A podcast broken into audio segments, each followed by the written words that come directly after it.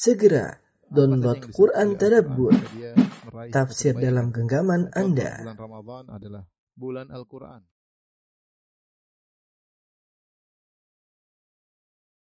Assalamualaikum warahmatullahi wabarakatuh. Alhamdulillahi ala ihsanih wa syukru lahu ala taufiqihi wa amtinanih wa asyhadu an la ilaha illallah wahdahu la syarika lahu ta'ziman li sya'nih wa asyhadu anna Muhammadan abduhu wa rasuluhu da'ila ridwanih. Allahumma salli alaihi wa ala alihi wa ashabihi wa ikhwanih. Uh, para jamaah Majelis Ta'lim dan Nur yang dirahmati oleh Allah Subhanahu wa taala. Recording in progress. Uh, kita melanjutkan bahasan kita tentang tafsir surat An-Nur. Uh, kita masuk pada ayat yang keempat. Ya. Allah Subhanahu Wa Taala berfirman, "Walladzina yarmuna al-muhsanati thumma lam ya'tu bi arba'ati syuhada." Dan orang-orang yang menuduh wanita baik-baik berzina, menuduh mereka berzina, thumma lam ya'tu bi arba'ati syuhada. Kemudian mereka tidak mendatangkan empat saksi. Fajliduhum samanina jaldah maka cambuklah mereka 80 cambukan. Wala taqbalu lahum syahadatan abada dan jangan pernah terima persaksian mereka selama-lamanya. Wa ulaika humul fasiqun. Karena mereka itulah orang-orang yang fasik illa alladziina tabu min ba'di dzalik kecuali orang-orang yang bertobat setelah itu wa aslahu dan perbaiki diri fa innallaha ghafurur rahim sungguhnya Allah Maha Pengampun lagi Maha uh, penyayang ya. Tapi kita akan bahas uh, ayat ini ya. Perhatikan tentang hukum ya, hukum menuduh orang lain berzina tanpa bukti. Tanpa bukti yang cukup. Allah Subhanahu wa taala berfirman والذين يرمون محصنات من المحصنات ثم لم يأتوا بأربعة شهداء ثم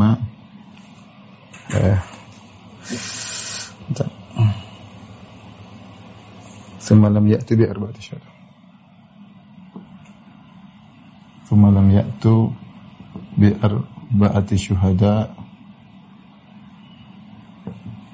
fajliduhum sama hina jaldah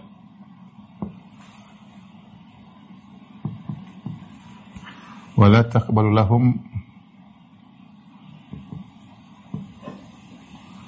lahum syahadatan abadan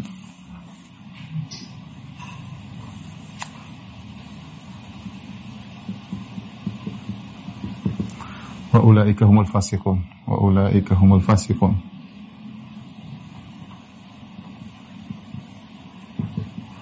ila alladziina tabu min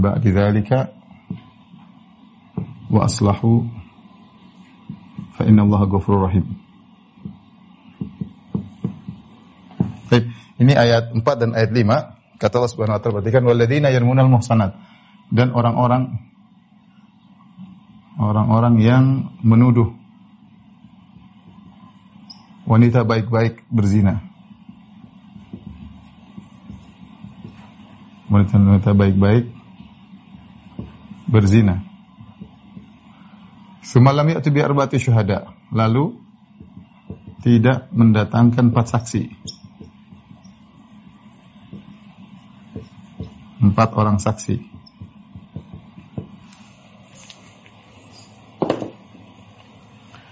Fajriduhum sama dengan jihad. Cambuklah mereka. Cambuklah mereka 80 cambukan. Wala takwalahum syahadatan abada. Dan jangan terima persaksian mereka selama-lamanya selama lamanya. Wa ulaika humul fasikun dan mereka adalah orang-orang yang fasik.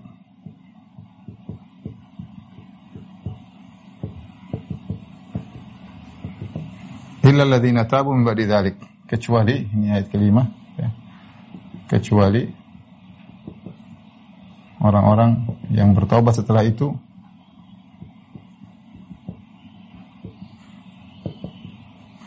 wa aslahu dan perbaiki diri dan memperbaiki diri. Fa inna Allah ghafur rahim maka sungguhnya Allah Maha Pengampun lagi Maha Penyayang.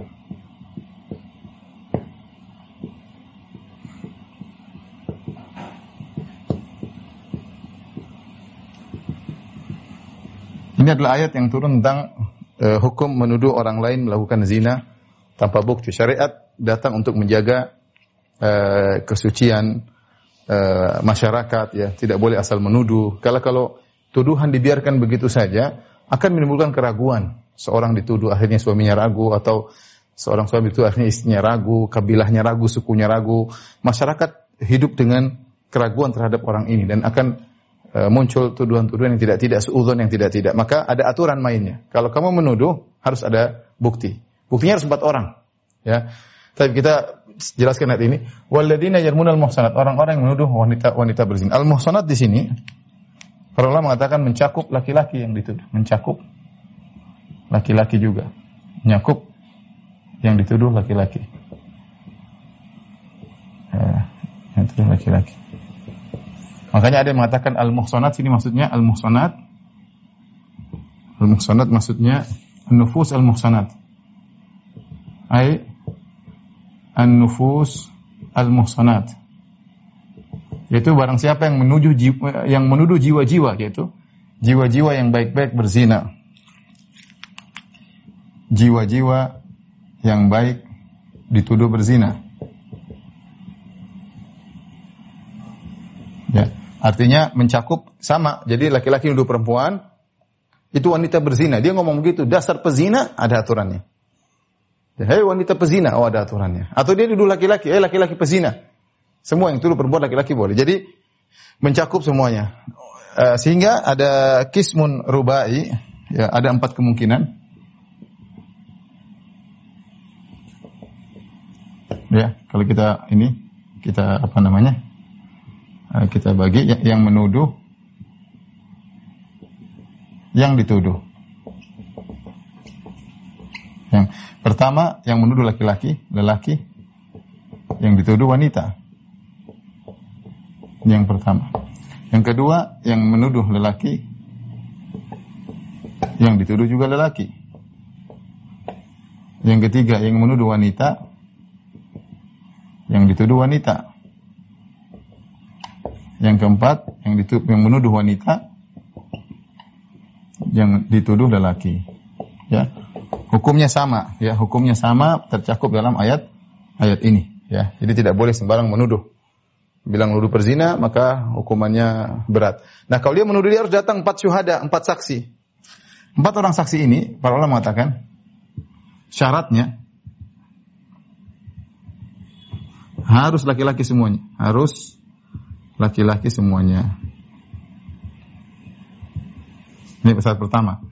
Yang kedua, harus melihat langsung ember masuk sumur. Bukan sekedar hanya mencium, memeluk, enggak. Harus dia melihat kemaluan masuk kemaluan, ya. Baru uh, uh, saksinya di, dipenuhi. Adapun saksi wanita tidak diterima. Ya, ini ini aturannya, aturannya demikian. Saksi wanita tidak diterima. Menurut pendapat yang lebih kuat, tidak diterima. Demikian juga kalau yang dilihat ternyata bukan ember masuk sumur. Kemudian e, tidak disyaratkan e, harus berkumpul semua untuk melihat. Harus keempatnya berkumpul dalam melihat.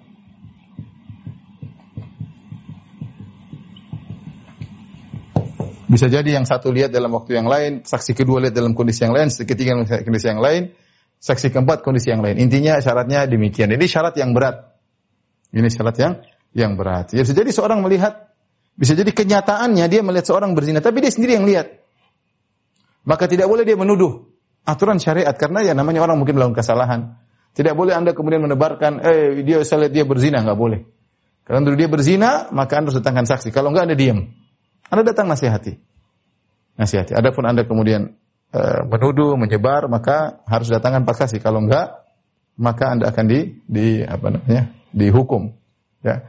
Oleh karenanya sebenarnya mengatakan uh, apa namanya? harus melihat langsung, tidak berlaku medsos, tidak berlaku video misalnya tidak berlaku, ya harus melihat langsung. Kalau di, kalau di, dilihat lewat misalnya kamera atau video, maka hukumnya bukan hukum hukum hukum had, hukumnya berbeda, takzir mungkin ya, tapi tidak sampai uh, hukum yang yang apa namanya yang berlaku. Karena dalam hal ini harus melihat melihat langsung ya. Kalau mereka tidak bawa empat saksi, apa hukumannya? Cambuklah mereka 80 cambukan. Nih, dihukum. Ya. Ini aturannya ya. Bisa jadi dia melihat langsung seorang berzina tapi dia kalau nggak bisa punya empat orang saksi ya maka dia harus apa namanya uh, harus uh, diam kalau nggak dia akan dihukum. Perhatikan di sini kata para ulama Sumalam ya'tu bi arba'ati syuhada, empat orang saksi ini uh, selain yang menuduh maksudnya. Uh, empat orang saksi tersebut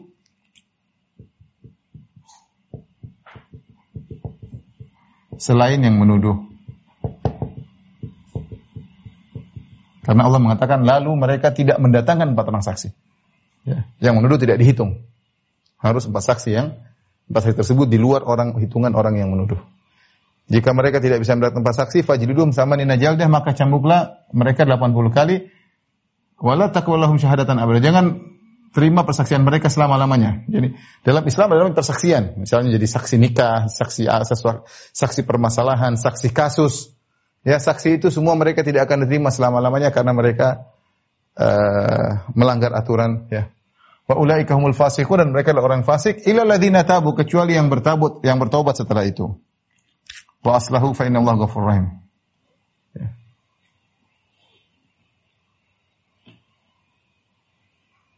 Kata Allah Subhanahu wa taala, "Alladzina tabu min ba'di dzalika wa aslahu fa inna Allaha ghafurur rahim." Nah, ini istisna kecuali orang-orang yang bertobat. Timbul pertanyaan, jika bertobat terus bagaimana? Lantas mereka bertobat nih setelah menuduh. Jika bertobat kata para ulama tetap ditegakkan hukum had. Hukum had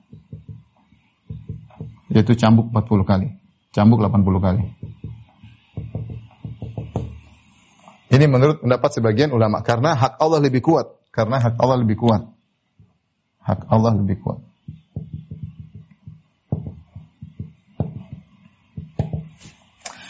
Sebagian ulama mengatakan tidak.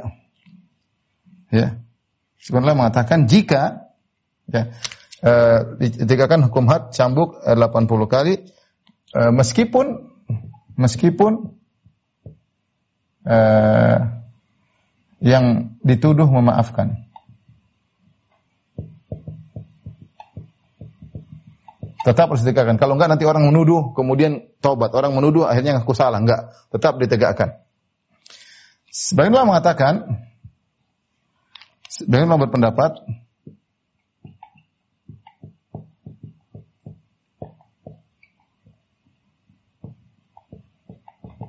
hanya ditegakkan hukum had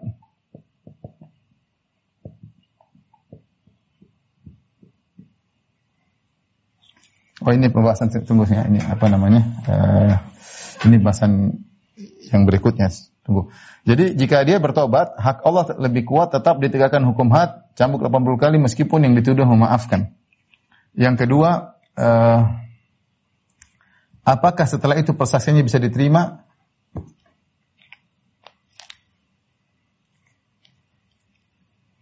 Kalau dia sudah bertobat, maka kefasikannya hilang. Sifat kefasikan hilang darinya. Sifat kefasikan hilang dari. Uh, yang berikutnya yang jadi permasalahan adalah apakah bisa diterima diterima syahadahnya lagi, persaksiannya lagi.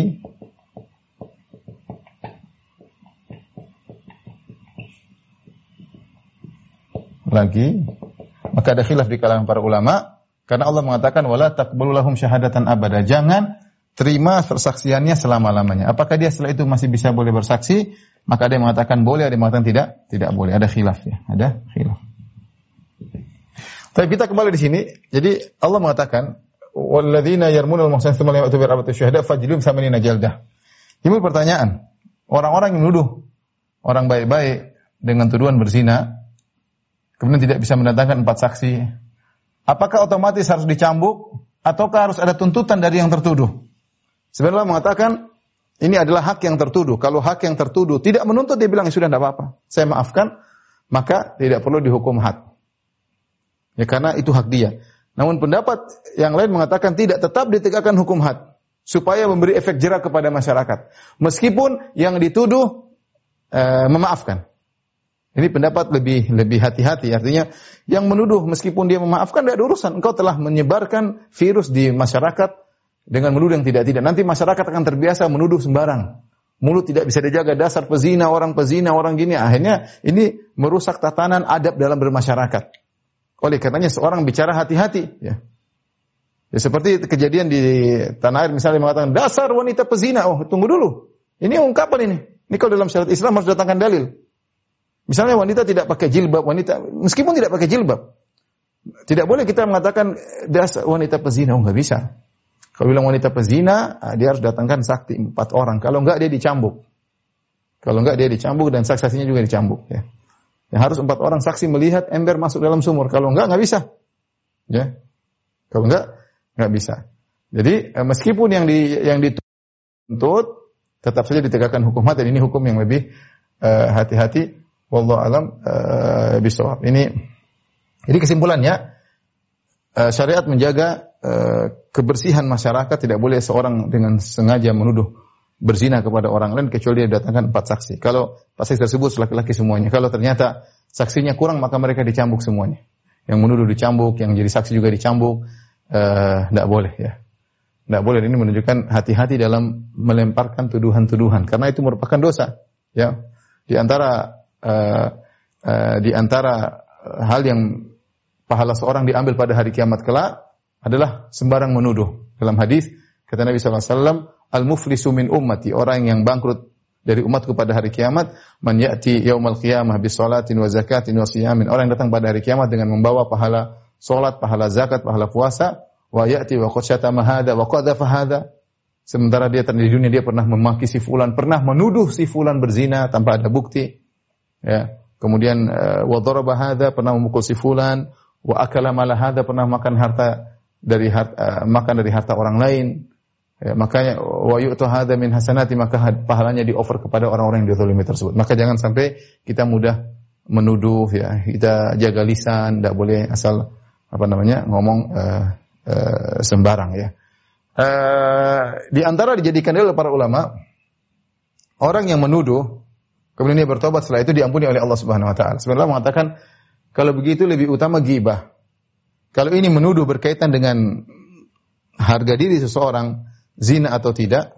Ya, dia bilang kamu berzina, dia nuduh. Kemudian jika dia bertobat Allah ampuni, maka lebih utama lagi gibah. Gibah kan tidak tidak berkaitan sampai mengenai uh, status uh, berzina atau tidak. Hanya sekedar menyebutkan kekurangan, keburukan. Artinya kalau dia bertobat kepada Allah, Allah akan mengampuni. Ini pendapat sebagian ulama. Karena menuduh orang berzina lebih tinggi derajatnya, lebih parah dosanya daripada menuduh daripada bergibah. Kalau orang yang menuduh orang yang e, berzina tanpa bukti bisa diampuni oleh Allah, demikian juga ghibah bisa diampuni oleh Allah Subhanahu wa taala. Allah alam bisawab. Tolong dihapus. Ayat berikutnya bercerita tentang bagaimana kalau e, e, suami menuduh istri. Kalau tadi kan secara umum seorang menuduh orang lain. Seorang menuduh orang lain. Sekarang kasusnya suami menuduh istri. Allah turunkan ayat khusus ya ada lima ayat. Kata Allah Subhanahu wa taala, perhatikan walladzina yarmuna azwajahum dan orang-orang yang menuduh istri-istri mereka berzina. Walam yakul lahum syuhada'u illa anfusuhum dan mereka tidak punya saksi. Dia datang lihat istrinya berzina. Dia enggak punya saksi empat orang. Apa yang dilakukan? Dia bingung. Tapi dia tidak bisa terima suaminya berzina. Dengan laki-laki lain, dia lihat dengan mata kepala. Tetapi dia tidak punya saksi. Dia hanya bisa mengadukan bahwasanya istrinya berzina, tapi tanpa saksi. Bagaimana hukumnya? Ini hukum khusus, tidak berkaitan dengan hukum yang awal. Kalau hukum yang awal tidak punya, dia nuduh istrinya berzina, Eh, tidak punya saksi dicambuk 80 kali. Itu kalau secara umum. Tetapi hukum suami istri hukumnya beda, spesifik. Allah mengatakan waladina yarmuna azwajahum walam yakum lahum walam yakul lahum syuhada. Dan orang-orang yang menuduh istri-istri mereka berzina walam yakul lahum syuhada. Dan mereka tidak punya saksi illa anfusum kecuali diri mereka sendiri dia yang lihat sendiri. Fa syahadatu ahadihim arba'u syahadatin billah. Maka Persaksian salah seorang dari mereka caranya bagaimana? Arba'u syahadatin billah, empat kali saksi. Ashadu billah, aku bersaksi bahwasanya wanita ini berzina. Dia ngomong empat kali. Ashadu billah anna hazani, aku bersaksi bahwasanya ini perempuan berzina. Ashadu billah, aku bersaksi dengan nama Allah dia berzina. Ashadu billah anna hazani, aku bersaksi dia berzina. Empat kali. Wal khamisata anna la'natallahi alaihi in kana minal kadhibin. Dan yang kelima, dia mengatakan Laknatullah alayya in kuntu minal kadhibin. Allah melaknatku jika aku berdosa. Jadi caranya demikian. Dia di hadapan uh, di hadapan hakim dia berkata, saya bersaksi demi Allah istriku berzina. Sekali. Saya bersaksi wanita ini berzina. Saya bersaksi demi Allah wanita dengan dengan ada lafal saya bersaksi dengan nama dengan disebut nama Allah. Saya bersaksi yang keempat saya bersaksi ini wanita berzina. Yang kelima, Allah melaknatku jika aku berdosa. Lima kali. Empat, saksi. Yang kelima, laknat. Apa yang dilakukan oleh sang wanita jika dia dia ingin selamat? Wa yadra'u anhal adzaba an tashhada arba'a syahadatin billah. Kalau sang wanita ingin selamat dari hukuman rajam karena dia kalau dia diam, dia ngaku dirajam. Kalau ternyata suaminya tuduh kamu berzina dan dia diam, dia tidak membela diri, ditegakkan hukum rajam. Lempar batu sampai meninggal dunia. Ya. Kata Allah, wa yadra'u anhal adzaba dan siksaan hukum rajam diangkat dari sang wanita. Ini kalau wanitanya sudah uh, sudah digauli sebelumnya ya. Beda kalau baru nikah kemudian belum sempat menggauli istrinya atau istrinya berzina ya. Berarti hukumnya uh, ghairu muhsan yaitu dengan dicambuk. Tapi kalau sudah punya anak, sudah bergaul dengan sang suami kemudian berzina, Ketika dituduh dan dia diam, dia tidak membela diri, maka dirajam. Makanya bagaimana caranya agar dia selamat dari rajam tersebut? Kata Allah, "Wa yadra'u anhal adzaba an tashhada arba'a syahadatin billahi innahu laminal kadzibin." Dan azab atau siksaan rajam diangkat dari sang wanita, caranya bagaimana? Dia bersaksi empat kali bahwasanya suaminya lelaki ini dusta. Dia mengatakan asyhadu billah Innahu laminal kadhibin. Aku bersaksi dengan nama Allah ini lelaki nuduh saya berzina, dia pendusta. Pertama, sampai empat kali. Asyhadu billah, saya bersaksi bahwasanya ini lelaki menuduh saya berzina, suamiku ini dia berdusta. Saya bersaksi dengan nama Allah, sungguhnya lelaki ini berdusta menuduhku. Keempat kali saya bersaksi bahwasanya lelaki ini berdusta menuduhku berzina. Yang kelima apa? Wal khamisata anna ghadaballahi 'alaiha in kana minas sadiqin. Yang kelima, saya dimurkai oleh Allah jika ternyata lelaki ini benar. Jadi empat kali bersaksi lelaki ini pendusta dan yang kelima saya siap dimurkai oleh Allah jika lelaki ini benar. Walaula fadlullahi alaikum wa rahmatuhu anna Allah tawabun hakim. Kalau bukan karunia Allah dan rahmat Allah kepadamu, kepada kalian, dan sungguhnya Allah maha penerima taubat dan maha bijak. Inilah yang disebut dengan ayat al-mula'anah. Al-mulana saling melaknat antara suami dan dan istri. Allah menurunkan ayat ini untuk memberikan hukum spesifik, hukum yang spesial tidak seperti hukum-hukum sebelumnya. Kalau hukum sebelumnya di antara di luar suami istri, maka tadi yang menuduh harus mendatangkan empat saksi. Ya. Yang menuduh harus mendatangkan empat saksi. Adapun antara suami istri hukumnya khusus. Hukumnya khusus. Ya. Ada beberapa hadis uh, yang yang disebutkan oleh para ulama sebab nuzul ayat ini. Sebab nuzul ayat ini. Yang pertama dari sah, dari hadis Sahal bin Sa'ad radhiyallahu anhu dia berkata, "Anna Uwaimiran ata Asim bin Adi." Ada seorang sahabat namanya Uwaimir. Dia mendatangi seorang sahabatnya Asim bin Adi. Dan Asim bin Adi adalah Sayyid Bani Ajlan, pemimpin Bani Ajlan. Kemudian dia berkata, "Kaifa taquluna fi rajulin wajada ma'a imra'ati rajulan?" Apa yang bagaimana menurut engkau wahai wahai Asim bin Adi jika seorang mendapati istrinya ditiduri oleh lelaki lain? Lihat langsung. Ayaqtuluhu fayaqtulunahu. Apakah dia bunuh lelaki ini? Kalau dia bunuh laki ini dia akan dibunuh karena dia telah dikisos dia akan dibunuh. Dia bunuh laki ini dia akan dibunuh karena girah cemburu, gairah. Gimana dia dapat istrinya tidur sama laki-laki? Saya mau bunuh dia ini. Kalau saya bunuh nanti saya dibunuh. Am kaifa yasna atau bagaimana yang dilakukan oleh sang, sang suami ketika mendapat istrinya tidur sama laki-laki lain? Salli Rasulullah SAW. Tolong tanyakan kepada Rasulullah untukku, wahai Asim bin Adi. Maka fa'ata Asimun an-Nabi sallallahu alaihi wasallam. Maka Asim pun datang kepada Nabi sallallahu alaihi wasallam. Dia menanyakan tentang kasus Uwaimir. Dia berkata, "Ya Rasulullah, fakir Rasulullah sallam al-masail." Dia tanya, tapi Rasulullah kayaknya enggak suka ditanya tentang masalah tersebut. Fasa'ala Uwaimir. Ya, maka Uwaimir bertanya kepada Asim bin Adi, "Kau sudah tanyakan untukku?" Kata Asim bin Adi, "Inna Rasulullah sallam karihal masail wa abaha." Rasulullah SAW tidak suka pertanyaan seperti itu. Ya. Qala Uwaimir, wallahi la antahi hatta as'ala Rasulullah SAW. Aku tidak akan berhenti sampai aku tanya langsung pada Nabi. Akhirnya dia pun berangkat menuju Nabi SAW. Dia ingin tanya langsung. Kejadian. Faqala ya Rasulullah, rajulun wajada mamrati rajulan. Dia berkata, ya Rasulullah, ada seorang lelaki mendapati istrinya tidur sama laki-laki lain. Ayaktuluhu fayaktulunahu. Apakah dia cemburu, dia bunuh itu laki-laki? Sehingga mereka akhirnya dia juga akan dikisus, dibunuh. Am yasna? Atau apa yang harus dia lakukan ya Rasulullah? Dapat istrinya begitu. Tidak mau lagi punya istri seperti ini.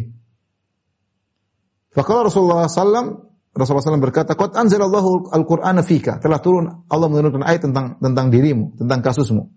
Wa fi sahibatika dan tentang istrimu. Fa amarahuma Rasulullah SAW bil mula'anah, maka Rasulullah SAW menyuruh, menyuruh mereka untuk saling melaknat bima sammallahu fi kitabihi. Sebagaimana Allah sebutkan dalam Al-Quran. Tadi ayat yang kita bacakan. Ya, aku bersaksi ini wanita berzina. Demi Allah aku bersaksi wanita berzina. Demi Allah aku bersaksi wanita berzina. Demi Allah aku bersaksi wanita ini berzina. Dengan nama Allah aku bersaksi berzina. Dan kalau aku bohong, aku dilaknat oleh Allah. Ya. Setelah itu Rasulullah SAW berkata, ternyata wanita tersebut dia mengingkari. Dia mengatakan tidak. Dia bilang demi Allah dia berdusta. Aku bersaksi dengan nama Allah, Uwaimir berdosa. Aku bersaksi dengan nama Allah, Uwaimir berdosa. Aku bersaksi dengan nama Allah, suamiku Uwaimir berdosa. Dan kelima, aku siap dimurkai oleh Allah jika dia benar.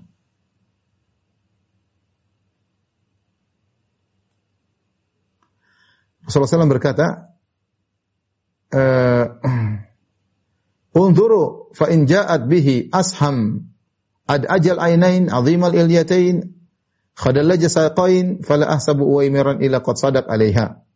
Ya, kata Nabi lihat anaknya nanti. Hasil dari perzinahan tersebut hasil tuduhanmu tadi. Ya, kalau ternyata anaknya sifatnya seperti ini, ya, matanya begini, pantatnya gede, kemudian betisnya uh, apa namanya uh, gede, ya, uh, matanya apa namanya hitam, ya maka seperti yang dituduhkan oleh Uwaimir, dia telah berzina. Tapi kalau ternyata anaknya seperti ini, seperti sifatnya seperti Uwaimir, ya berarti Uwaimir berdusta ya. Ternyata benar setelah melahirkan anak tersebut sama dengan tidak sama dengan Uwaimir, tapi sama dengan laki-laki yang dituduhkan. Ini sebab pertama. Sebab kedua dari Ibnu Abbas radhiyallahu anhu ini lebih tegas lagi. Kalau disebutkan dalam Uwaimir, Uwaimir mentalak wanita ini, mentalak wanita ini. Kemudian wanita tersebut akhirnya punya anak dan anaknya tidak sama dengan Uwaimir. Artinya Uwaimir benar. Ya, uh, dalam, dalam sebab yang kedua dari hadis Ibnu Abbas saya bacakan kisahnya. Anna Hilal ibnu Umayyah qadhafa imrata'ahu inda Nabi sallallahu alaihi wasallam. Hilal bin Umayyah radhiyallahu anhu menuduh istrinya berzina. Dia tuduh di hadapan Nabi sallallahu alaihi wasallam bi Syarik bin Sahma. Dia mengatakan istriku berzina dengan seorang namanya Syarik bin Sahma. Faqala Nabi sallallahu alaihi wasallam al-bayyinah. Kata dia mana bukti? Kau nuduh istri yang berdosa harus empat orang saksi. Ini sebelum turun ayat. Au haddun fi dhahri. Kalau kau tidak bisa datangkan empat bukti, cambukan 80 kali di punggungmu. Kata Hilal bin Umayyah, ya Rasulullah, Idza ra'a ahaduna ala imra'atihi rajulan yantaliqu yaltamisul bayyinah, ya Rasulullah. Kalau ada seorang lihat istrinya sedang berzina, dia cari cari saksi untuk empat orang lihat. Ya, dia, dia, dia, dia mengatakan, dia bertanya, ya Rasulullah, kalau saya ada seorang lihat istrinya berzina lagi, zina sama laki-laki lain. Terus saya harus pergi cari saksi empat orang suruh ngajak lihat, ya mungkin udah selesai atau gimana. Ya. Fajal Rasulullah SAW berkata, al -bayyinah. Tidak ada syariat. Rasulullah bilang tetap al -bayyinah. Belum turun ayat. Rasulullah bilang syariatnya harus ada bukti. Wa illa hadun fi dhahri. Kalau enggak, kau akan cambuk 80 kali. Faqala Hilal. Hilal kemudian berkata bin Umayyah radhiyallahu anhu. Walladzi ba'atsaka bil haq. Demi Allah yang mengutus engkau dengan kebenaran. Inilah sadiq. Sungguhnya aku benar. Istriku benar-benar berzina. Fala yunzilannallahu ma yubarri'u dhahri min minal had. Allah akan turunkan ayat yang akan membebaskan aku dari cambukan. Subhanallah. Sebagian orang kata Nabi SAW, uh, apa namanya, rubba asy'ad akbar madfu'un bil abwab law aksama 'ala Allah la abarrahu. Ada orang yang mungkin rambutnya semerawut, kemudian uh, kalau bertamu ditolak, tapi kalau dia bersumpah atas nama Allah, Allah akan penuhi sumpahnya. Hilal bin Umayyah, dia dengan pedenya dia berkata, dia wali-wali Allah, dia berkata, Allah akan turunkan ayat membebaskan aku dari cambukan tersebut. Ternyata benar. Wa anzala alaihi. Maka Allah turunkan ayat ayat Al-Mula'anah tadi yang kita bacakan, walladzina yarmuna azwajahum wa lam yakul lahum syuhada'u illa anfusuhum. Dan orang-orang yang menuduh istri-istri mereka berzina dan mereka tidak punya saksi kecuali diri mereka sendiri, fasyahadatu ahadihim, maka persaksian salah seorang dari mereka adalah arba'u syahadatin billah, empat saksi Empat kali saksi innahu la minas sadiqin saya jujur istriku berzina wal khamisata ana la'natullahi alaihi in kana minal kadhibin dan kelima saya siap dilaknat kalau saya dusta. Wa yadra'u anhal adzaba dan sang wanita berhak untuk tidak diazab dirajam antasyada arba syahadatin bila caranya dia bersaksi juga empat kali wa suaminya berdusta. Innahu la minal kadhibin wal khamisata anna ghadaballahi alaihi in kana minas sadiqin dan yang kelima saya berhak saya berhak sang wanita berhak untuk dimurkai oleh Allah jika suaminya benar turun ayat tersebut maka hukumnya baru. Maka Hilal bin Umayyah tidak disuruh mendatangkan empat saksi. Maka Nabi sallallahu alaihi wasallam Fansarafa Nabi alaihi wasallam ilaiha. Maka Rasulullah sallallahu pun berpaling dari Hilal bin Umayyah. Rasulullah mengatakan datangkan istrinya sini. Yang itu berzina. Akhirnya dipertemukanlah Hilal bin Umayyah dengan istrinya. Faja'a Hilalun fasyahida. Maka Hilal pun bersaksi, Hilal bin Umayyah. Aku bersaksi demi Allah, ini perempuan berzina dengan laki-laki. Empat kali, seperti kita sebutkan. Yang kelima, aku siap dilaknat oleh Allah kalau saya dusta. Kemudian Nabi SAW berkata kepada mereka berdua, Inna Allah ya'lamu anna ahadakum akadzib. Allah tahu.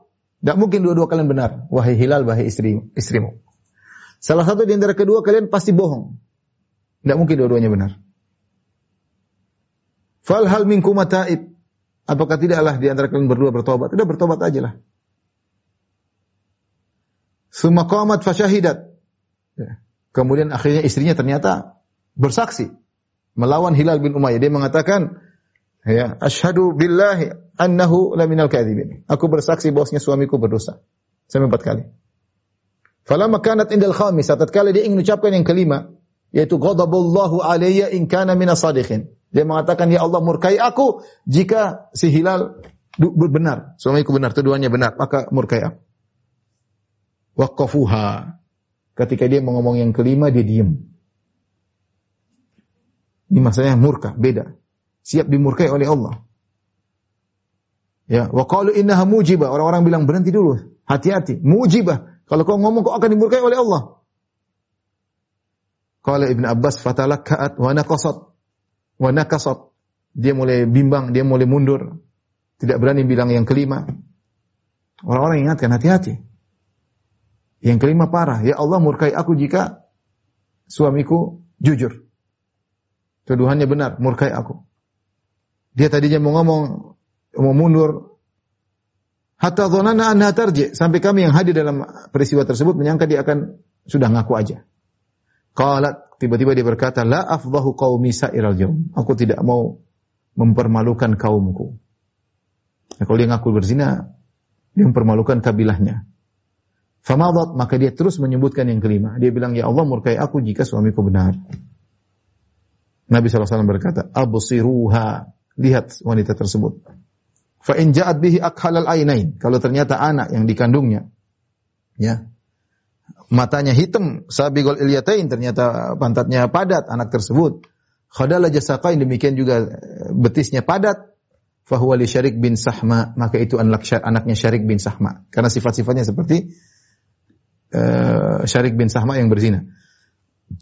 Faja'at bih kadzalik. Ternyata ketika dia melahirkan, anaknya seperti Syarik bin Sahma.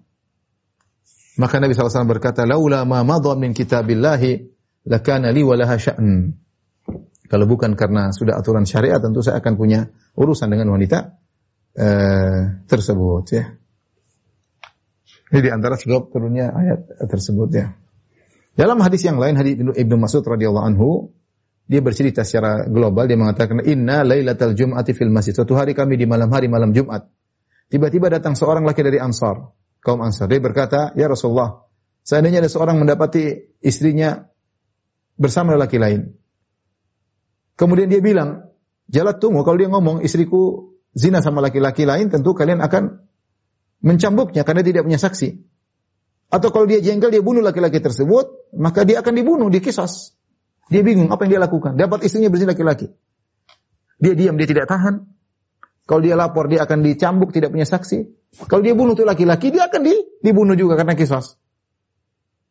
Wa in sakata sakata ala ghaiz. Kalau dia diam, dia akan jengkel luar biasa. Apa yang dilakukan? Wallahi la as'alanna anhu Rasulullah sallallahu alaihi wasallam. Ya. Demi Allah akan tanya kepada Rasulullah sallallahu Oh, ini ceritanya dia ketemu dengan sahabat di, di masjid, masjid Nabawi, malam Jumat. Tapi sahabat nggak ada yang bisa kasih jawaban. Dia bilang bagaimana kondisi orang ini? Mau, mau ngapain dia? Kalau dia bunuh dia akan dibunuh, kalau dia lapor dia akan dicambuk. Kalau dia diam dia jengkel. Maka dia bilang demi Allah aku akan tanya hal ini kepada Rasulullah SAW. Falamma kana minal ghad, tatkala besok hari hari Jumat, dia pun mendatangi Rasulullah SAW. Kemudian dia berkata, Ya Rasulullah, lau anna rajulan wajada mamraati rajulan fatakallama jalatumuh. Ya Rasulullah, kalau ada seorang laki mendapati istrinya bersama laki lain. Kalau dia ngomong, lapor, kalian akan cambuk dia karena menuduh tanpa bukti. Kalau dia bunuh lelaki tersebut, kalian akan bunuh dia karena kisos. Kalau dia diam, maka dia akan diam dalam bunuh kejengkelan. Rasulullah berkata, Allah maftah ya Allah, berilah jawaban kepadaku. Wajah Allah yadu Rasulullah berdoa. Ini kasus Rasulullah tidak tahu jawabannya. Mau dia apa ini orang? Fanazarat ayatul li'an, maka turunlah ayat li'an, mula'an, saling melaknat walladzina yarmuna azwajahum wa lam yakun syuhada illa anfusihim. Sebagian ayat yang kita baca tadi.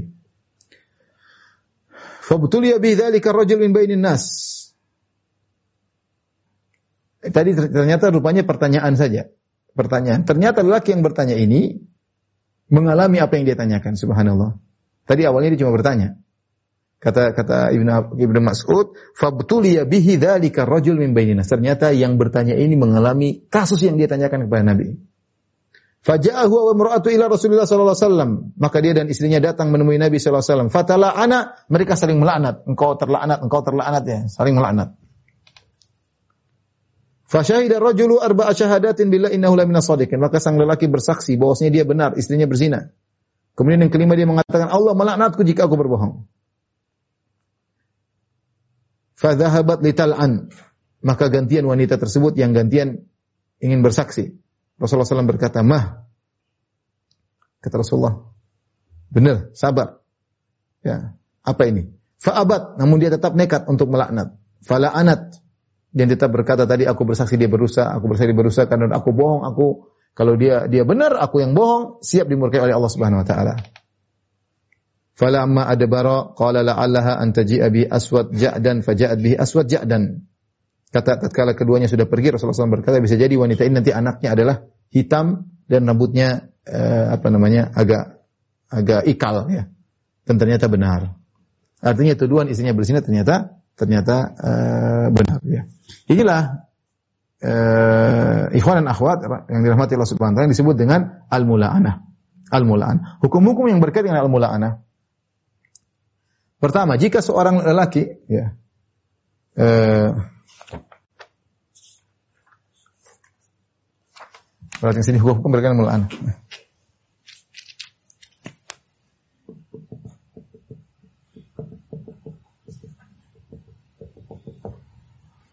Al-mula'ana. Al-mula'ana tadi kita sebutkan saling saling apa? Eh, saling uh, bersaksi bahwasanya dia yang benar suaminya yang salah, ya. Di antaranya ya, di antaranya jika ternyata yang pertama jika suaminya bisa mendatangkan empat saksi,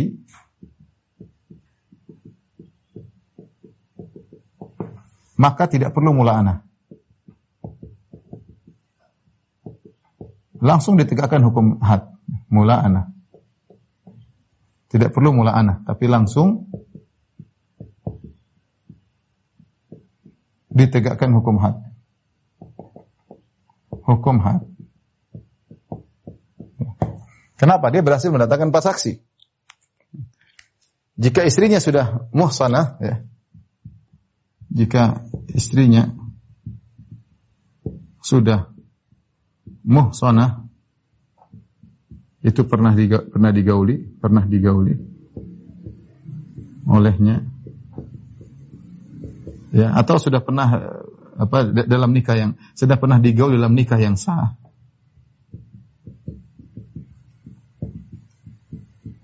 Maka dirajam. Jika istrinya uh, bukan muhsan, bukan muhsanah, itu belum dia gauli, belum digauli, belum digauli sebelumnya dalam nikah yang sah.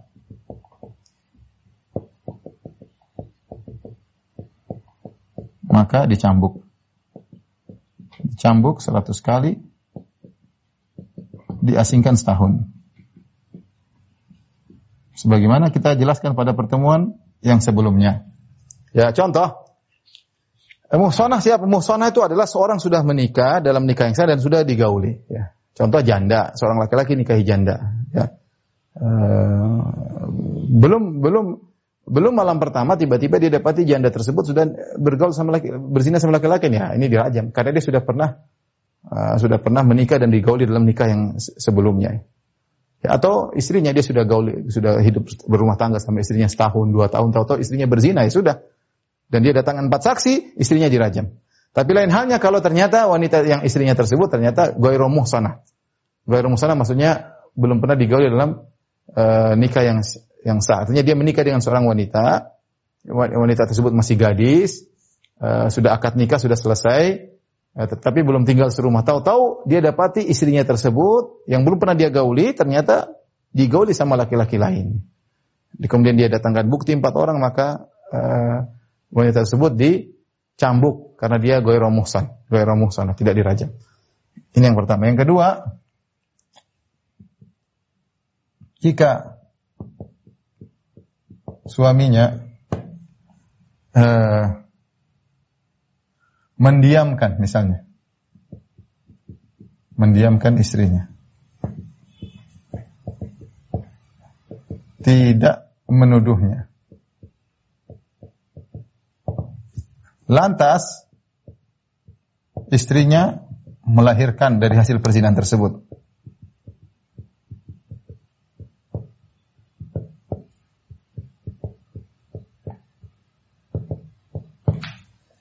Lalu bapak biologisnya menuntut anaknya. Apa namanya? Uh, istrinya lantas istrinya melahirkan dari perzinahan tersebut, maka anak tersebut ya, anak tersebut tetap dinisbahkan kepadanya. Bukan ke bapak biologisnya.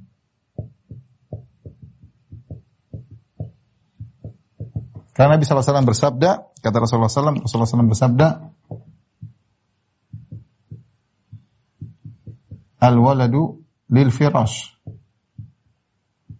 walil walil akhir hajar. Kata Nabi, anak itu disandarkan kepada yang kepala rumah tangga, yang sah. Adapun bagi pezina cuma dapat batu, ya, cuma dapat batu. Ini sudah pernah kita sebutkan tentang kisah uh, Utbah bin Abi Waqqas ya. Utbah bin Abi Waqqas uh, sebagaimana kita sampaikan berzina dengan seorang uh, budak wanita milik uh, Zam'ah. Kemudian punya anak. Utbah sebelum meninggal dia bilang sama Sa'ad bin Abi Waqqas, Sa'ad bin Waqqas tolong lihat ponakanmu itu anakku dari wanita tersebut. Akhirnya ributlah antara Sa'ad bin Waqqas dengan Abad bin Zam'ah. Kata Abad, nah ini adik kita. Dia lahir di zaman bapak kita masih hidup dan ini apa budak bapak kita atau wanita bapak kita. Ternyata ketika dilihat anaknya, anaknya mirip dengan Utbah bin Sa'ad bin Abi Waqqas, dengan saudaranya Sa'ad. Tetapi hukum Islam berbeda. Kata Nabi, al-waladu lil firash walil akhiri hajar. bahwasanya walad anak tersebut tetap dinisbahkan kepada suami yang resmi, adapun pezina bapak biologis tidak tidak dapat apa-apa. Tidak dapat apa. Ini ini aturan syariat untuk menjaga eh, apa namanya norma-norma dalam kemasyarakatan. Ya. Dalam masyarakat. Jadi kalau ada seorang laki istrinya berzina, dia tahu atau dia tidak tahu. Kalau dia tahu dia diam aja. Atau dia tidak tahu ternyata anaknya itu hasil zina dari orang lain, anak itu tetap dinisbahkan kepada sang sang suami yang resmi. Adapun bapak biologisnya nggak dapat. Dia bilang itu kamu anak saya tidak bisa, nggak dianggap, nggak dianggap. Ini contoh bahwasanya terkadang hukum syar'i ber, ber, ber, ber, ber- berbeda dengan kenyataan. Ini dalil bahwasanya hukum syar'i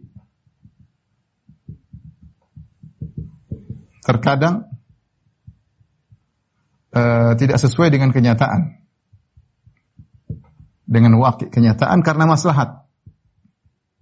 Karena maslahat. Hmm. Contohnya banyak. Contohnya ini. Contohnya tadi permasalahan eh, ini tadi Ke- apa kasus kasus ini. Ya. Anak tidak disandarkan kepada bapak biologisnya. Anak tidak disandarkan kepada bapak biologis. Tapi disandarkan kepada bapak yang resmi. Tapi kepada bapak yang resmi. Misalnya, misalnya Ahmad punya istri berzina eh, dengan Zaid misalnya. Ahmad punya istri, istrinya berzina dengan Zaid. Ternyata anaknya lahir mirip dengan Zaid. Tapi Ahmad tahu Ahmad biarin aja. Mungkin istrinya bertobat apa sih dia sudah biarin aja.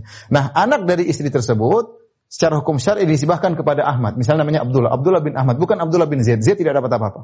Karena Zaid bapak biologis tidak resmi, Ahmad bapak yang resmi. Meskipun kenyataannya secara DNA, secara wajahnya adalah anak dari Zaid. Tapi syariat punya cara pandang tersendiri. Ya. Contoh lagi misal tadi, kasus kasus menuduh tanpa bukti. Tanpa bukti yang cukup. Nih, ada seorang menuduh orang lain tadi, dia menuduh orang lain berzina dan dia lihat langsung. Dia lihat itu istri- istrinya si fulan berzina dengan laki-laki lain dengan tetangganya. Dia lihat langsung. Ketika lapor kepada hukum, hukum Islam, dia lapor saya melihat itu berzina dengan tetangganya. Mana bukti empat orang? Nggak ada. Dia dicambuk. Padahal ternyata benar wanita itu berzina dan anaknya lahir mirip dengan tetangganya. Tapi syariat punya hukum dan ini menyelisihi bukti tidak cukup maka dia dicambuk. Dia dicambuk. Ini contoh bahwasanya terkadang eh, hukum syari berbeda dengan kenyataan. Contoh lagi misalnya salat gerhana. Tidak salat gerhana gerhana padahal terjadi gerhana.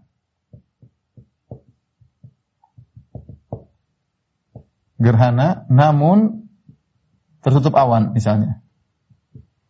Tertutup awan atau hujan atau hujan. Ya, contoh, kita disyariatkan salat gerhana. Tetapi disyariatkan salat gerhana kalau kita lihat gerhananya. Kalau kita tidak lihat gerhananya, maka tidak perlu kita salat gerhana. Meskipun gerhananya benar-benar terjadi, namun tertutup hujan kita nggak lihat. Contohnya lagi misalnya, eh,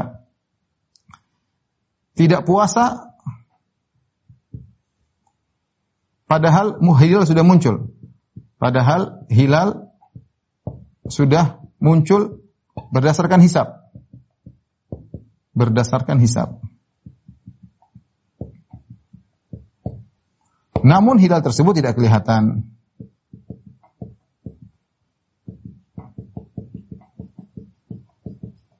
Contoh, maksud saya apa? Kenyataannya kita sudah masuk bulan baru karena hilal sudah ada. Secara hisab hilal sudah kelihatan, sudah ada. Tetapi ternyata hujan sehingga hilal tidak kelihatan. Nah, kalau gitu gimana? Kita tidak puasa. Puasanya nanti besok. Kata Nabi sallallahu alaihi wasallam, "In ghumma 'alaikum fa'akmilu iddata Sya'ban 30." Kalau ternyata ada gaim atau ada awan atau hujan, maka sempurnakanlah uh, bilangan Sya'ban 30 hari. Padahal harusnya besok sudah Ramadan. Tapi syariat punya hukum ter tersendiri. Ya. Bahwasanya berkaitan masalah uh, Ramadan atau gerhana dengan melihat. Kalau gerhana dengan melihat terjadi gerhana lihat langsung, bukan dengar berita, bukan dengan hisap. Demikian juga tatkala uh, tatkala Ramadan harus melihat hilal tersebut. Ini contoh bahwasanya terkadang hukum syar'i tidak sesuai dengan kenyataan karena maslahat. Tapi berikutnya berkaitan dengan mula anak ya. Jika suaminya melapor dan tidak punya bukti, tidak punya saksi,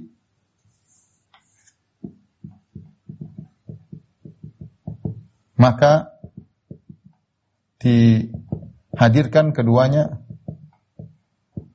suami istri untuk bermula anak, bermula anak. Sebagaimana dalam ayat tadi. Ya. Jika perhatikan. Jika istrinya ngaku, istrinya tidak membela diri,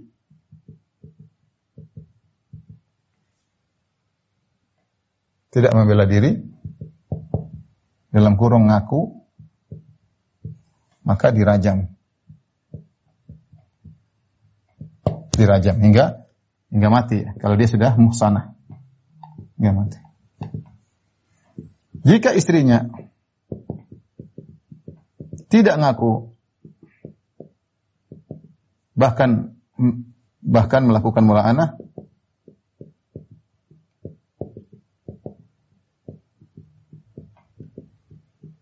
anak maka perhatikan maka istrinya tadi bersumpah tadi seperti itu. Dia dia tidak ingin dirajam. Dia bilang dia bohong. Saya tidak berzina dia bohong. Maka apa yang terjadi padanya? Maka pertama eh, keduanya diceraikan selama lamanya diceraikan selama-lamanya. Enggak boleh nikah lagi.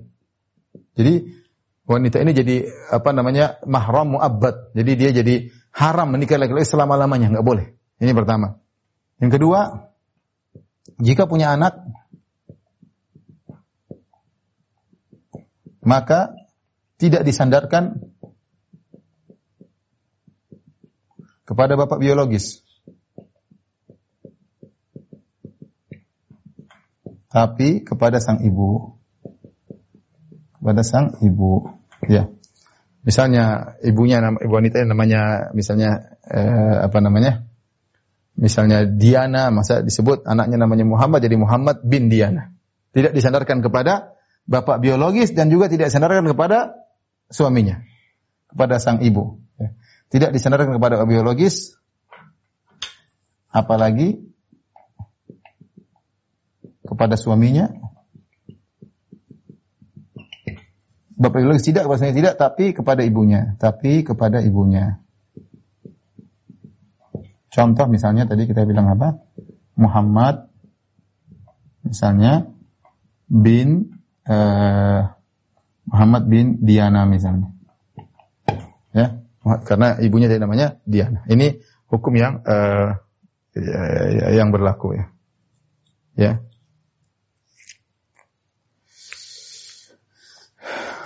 Adapun kemudian adapun lelaki lelaki yang tertuduh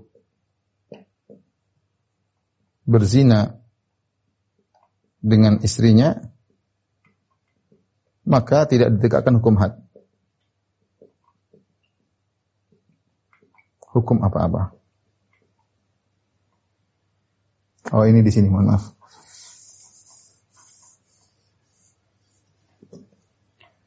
Yang pertama di sini, jika istrinya tidak membela diri, rajam hingga mati, eh, tetapi lelaki yang berzina dengannya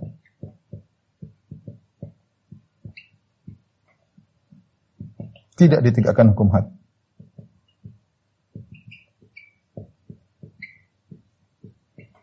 Kecuali jika ngaku juga, kecuali jika ngaku juga Taib, ini kalau istrinya ngaku terus nyata lelaki yang berzina kalau tidak ngaku tidak ditegakkan hukum had. Kalau dia ngaku ditegakkan hukum had. Sekarang kalau ternyata istrinya tidak ngaku, bagaimana dengan laki-laki tadi? Apakah laki-laki tadi yang dituduh berzina berhak menuntut agar sang suami dicambuk 80 kali? Jawabannya tidak. Lelaki yang lelaki yang dituduh berzina berzina dengan istrinya tidak berhak menuntut suaminya untuk dicambuk 80 kali.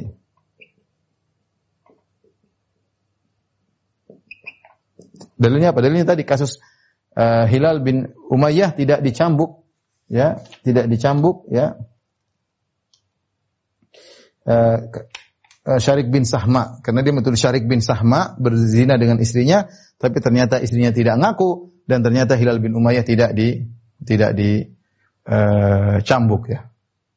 Karena ini kasus khusus kasus tentang tuduhan suami uh, suami istri ya, suami istri. Tapi uh, Perhatikan di sini. Jika suaminya bisa mendengar empat saksi, maka tidak perlu mula'ana tapi langsung ditegakkan hukum had. Perhatikan hukuman ini juga berlaku pada lelaki yang berzina dengan istrinya. Juga berlaku pada lelaki yang berzina dengan istrinya. Juga berlaku dengan lelaki yang berzina dengan istrinya. Karena ketangkap dua-duanya, ketangkap basah. Empat orang lihat langsung, maka istrinya kena, dan laki tersebut juga kena. Ini kira-kira eh, ikhwan dan yang Subhanahu wa taala, jamaah denus yang dirahmati Allah Subhanahu wa taala. Hukum-hukum yang berkaitan dengan uh, al-mula'ana insyaallah pada pertemuan berikut kita akan bahas tentang kisah hadisatul ifk. Kisah yang panjang tentang bagaimana Aisyah dituduh uh, berzina dengan Sofwan bin Mu'attal As-Sulami dan banyak hikmah-hikmah yang akan kita dapatkan. Wallahu alam bisawab, ini saja ya, tadi berkaitan dengan masalah hukum fikih mungkin agak ruwet tapi hukum harus kita ketahui ini berkaitan dengan kemaslahatan norma-norma di masyarakat. Demikian kepada rekan-rekan jamaah Majelis Ta'lim dan yang dirahmati Allah Subhanahu Insyaallah kita lanjutkan dua pekan lagi uh, berkaitan tentang hadis satu ifat kisah Aisyah tertuduh berzina. Wabillahi taufik walhidayah. Assalamualaikum warahmatullahi wabarakatuh.